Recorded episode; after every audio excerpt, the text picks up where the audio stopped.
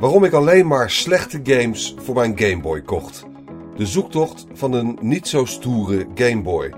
Geschreven door Erwin Vogelaar voor Laatscherm.nl. Ingesproken door een verkoude Arjan Lindeboom. Naast de NES en Super NES Classic Mini werkt Nintendo mogelijk ook aan een Game Boy Classic Mini.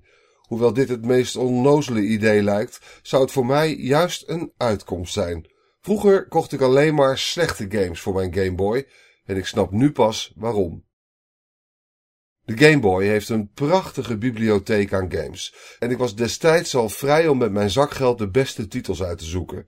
Toch deed ik dat niet. Ik fietste naar de lokale speelgoedwinkel en koos daar iets nieuws uit, gebaseerd op het doosje, of ik de naam kende en uiteraard of ik het kon betalen.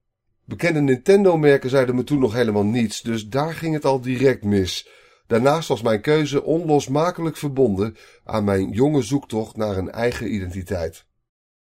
Ik ben opgegroeid met drie oudere zussen en hoewel ik nooit een stoere jongen ben geweest, wilde ik dat denk ik toch worden.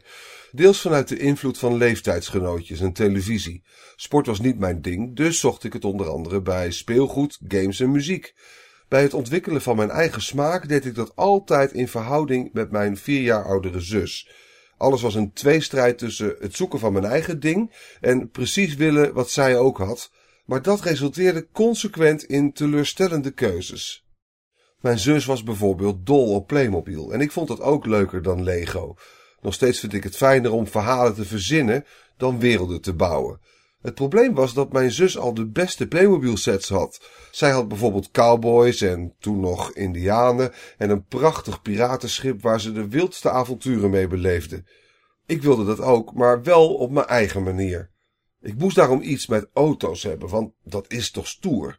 Helaas koos ik een blauwe familiewagen met een caravan en twee fietsen voor op de Twinnyload. De spanning spatte er vanaf. Terwijl er bij mijn zus oorlog woedde en mensen van de plank werden gestuurd, was het grootste avontuur bij mijn Playmobil set een halve dag in de file staan voor een weekje naar Frankrijk. Bij de Game Boy ging dat ongeveer hetzelfde. Het begon al met het apparaat zelf. Mijn zus had de originele grijze uitvoering van de Game Boy, zoals het apparaat hoort te zijn. Ik kocht daarom de stoere zwarte versie.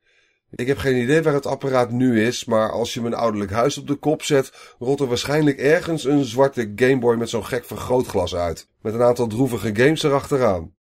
Mijn zus had Tetris en Super Mario Land al. Die heb ik natuurlijk ook kunnen spelen, maar dat waren haar games. Ik moest iets anders en wist nog niets over Nintendo. We hadden nooit spelcomputers thuis en mijn enige aanraking met het fenomeen was een vriendinnetje die een NES thuis had staan waar we enkele keren Mario Bros op speelden. Dat was leuk, maar ik wist niet eens wat Zelda, Metroid of Pokémon was. Dus, wat koos ik in de speelgoedwinkel? Bijvoorbeeld de Blues Brothers Jukebox Adventure, omdat ik wist dat mijn vader de films leuk vond. Ik kocht ook Alien 3. De film had ik waarschijnlijk nog niet eens gezien, maar de game had stoere aliens en geweren. Als ik nu gameplay-video's terugkijk, komen er veel herinneringen terug.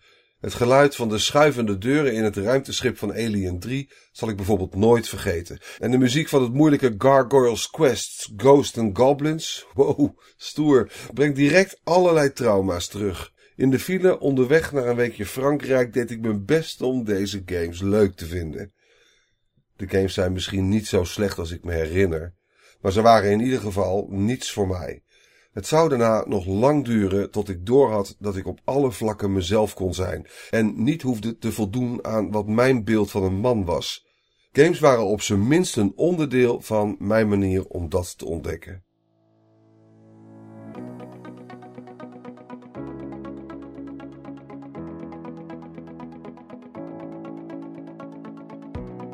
Dankjewel voor het luisteren naar Laatscherm voorgelezen. Als je waardeert wat we hier doen, dan zouden we het leuk vinden als je even een sterrenrating en een recensie achterlaat op Apple Podcasts of de podcastservice van jouw keuze. Abonneer je ook op onze andere podcast, Praatscherm. En ga voor deze en meer verhalen, geschreven of gesproken, naar laatscherm.nl.